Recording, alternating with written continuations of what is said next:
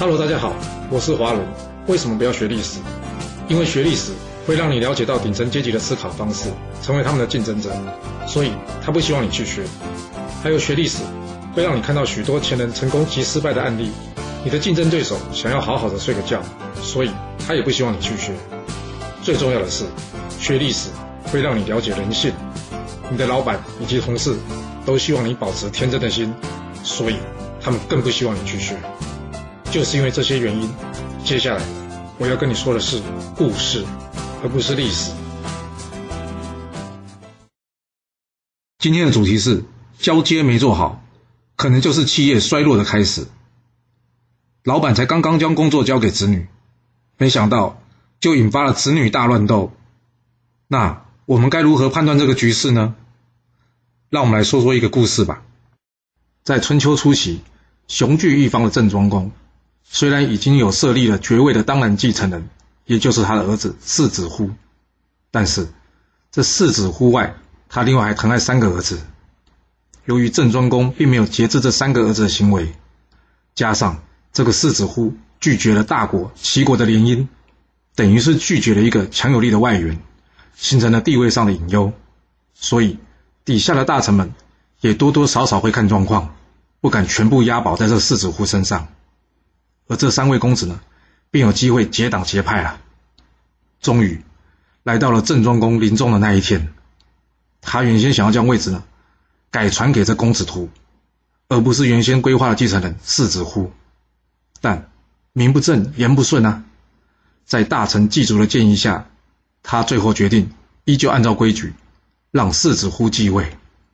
不过，为了避免他们兄弟相残，他先将这公子图。赶到了这个宋国，为什么？因为他知道，当时各个兄弟呢都觉得自己有机会继承，所以怎么可能屈居人下呢？尤其是这个这个公子图，原先呼声最高，突然之间落选，心中难免不平，所以必须先将这个公子图呢送去外国。但是他万万没想到，这宋国的国君。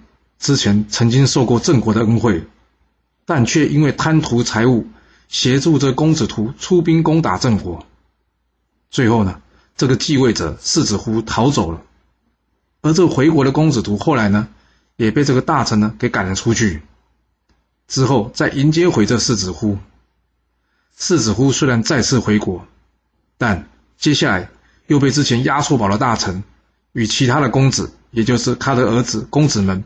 联手给暗杀了，而这公子们呢，最后又被齐国给诱杀了。就在这一场场血腥斗争以及贿赂外国出兵的协助下，郑国的国力迅速衰落，从一开始一个呼风唤雨的强国，就变成了一个需要楚国保护的一个附庸国。其实你在八卦周刊上，我们不难找到企业接班、子女互告这种题材了，但是。若我们刚好在这企业之中，或是投资这家公司，你要如何评估这件事？在春秋初期，有一大纲子这样的故事可以参考。我们今天只拿比较有代表性的郑庄公的故事来说。你看这郑庄公，他虽然聪明，但是却在大是大非上出了问题。对于爵位的交接完全没有规划，这位置该传给谁，是个千古以来苦恼帝王或是企业领导人的问题。这个问题有没有标准答案？没有，不然几千年历史，这么多聪明的人，怎么会找不到答案？因为这个问题核心在人，不是制度，还有家天下的观念。在古代，国家一定要传给我的子孙；而在现代，则是企业一定要留给我的小孩。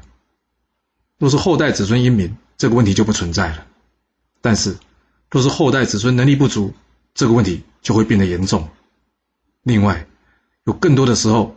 这个问题之所以会变严重，根本就是出在子女的性格以及观念，又或是说父母错误的决定。什么错误？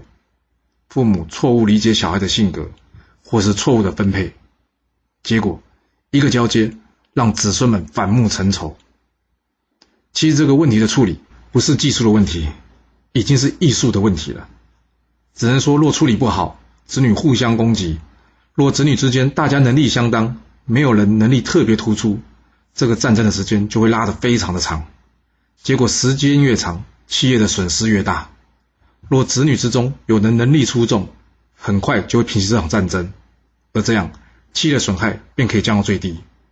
但不管怎么说，只要一争，企业的损伤在所难免。从投资人或是员工角度来看，若接班的人的斗争不是一时半刻可以分出胜负的，那就表示这些接班人的实力呢都差不多。换句话说，战争会拉长，伤害会变大，所以。就必须要有其他的规划及准备了。别以为赢了就没事，除非在这个行业没有竞争对手，不然你可能是赢了内部，结果输掉了外部。好了，我们今天先说到这。如果你就是不听我的劝，想知道完整版的故事内容，你可以从说明栏找到我爱故事频道的连结。不过记住哦，你是来听故事的，而不是来学历史的。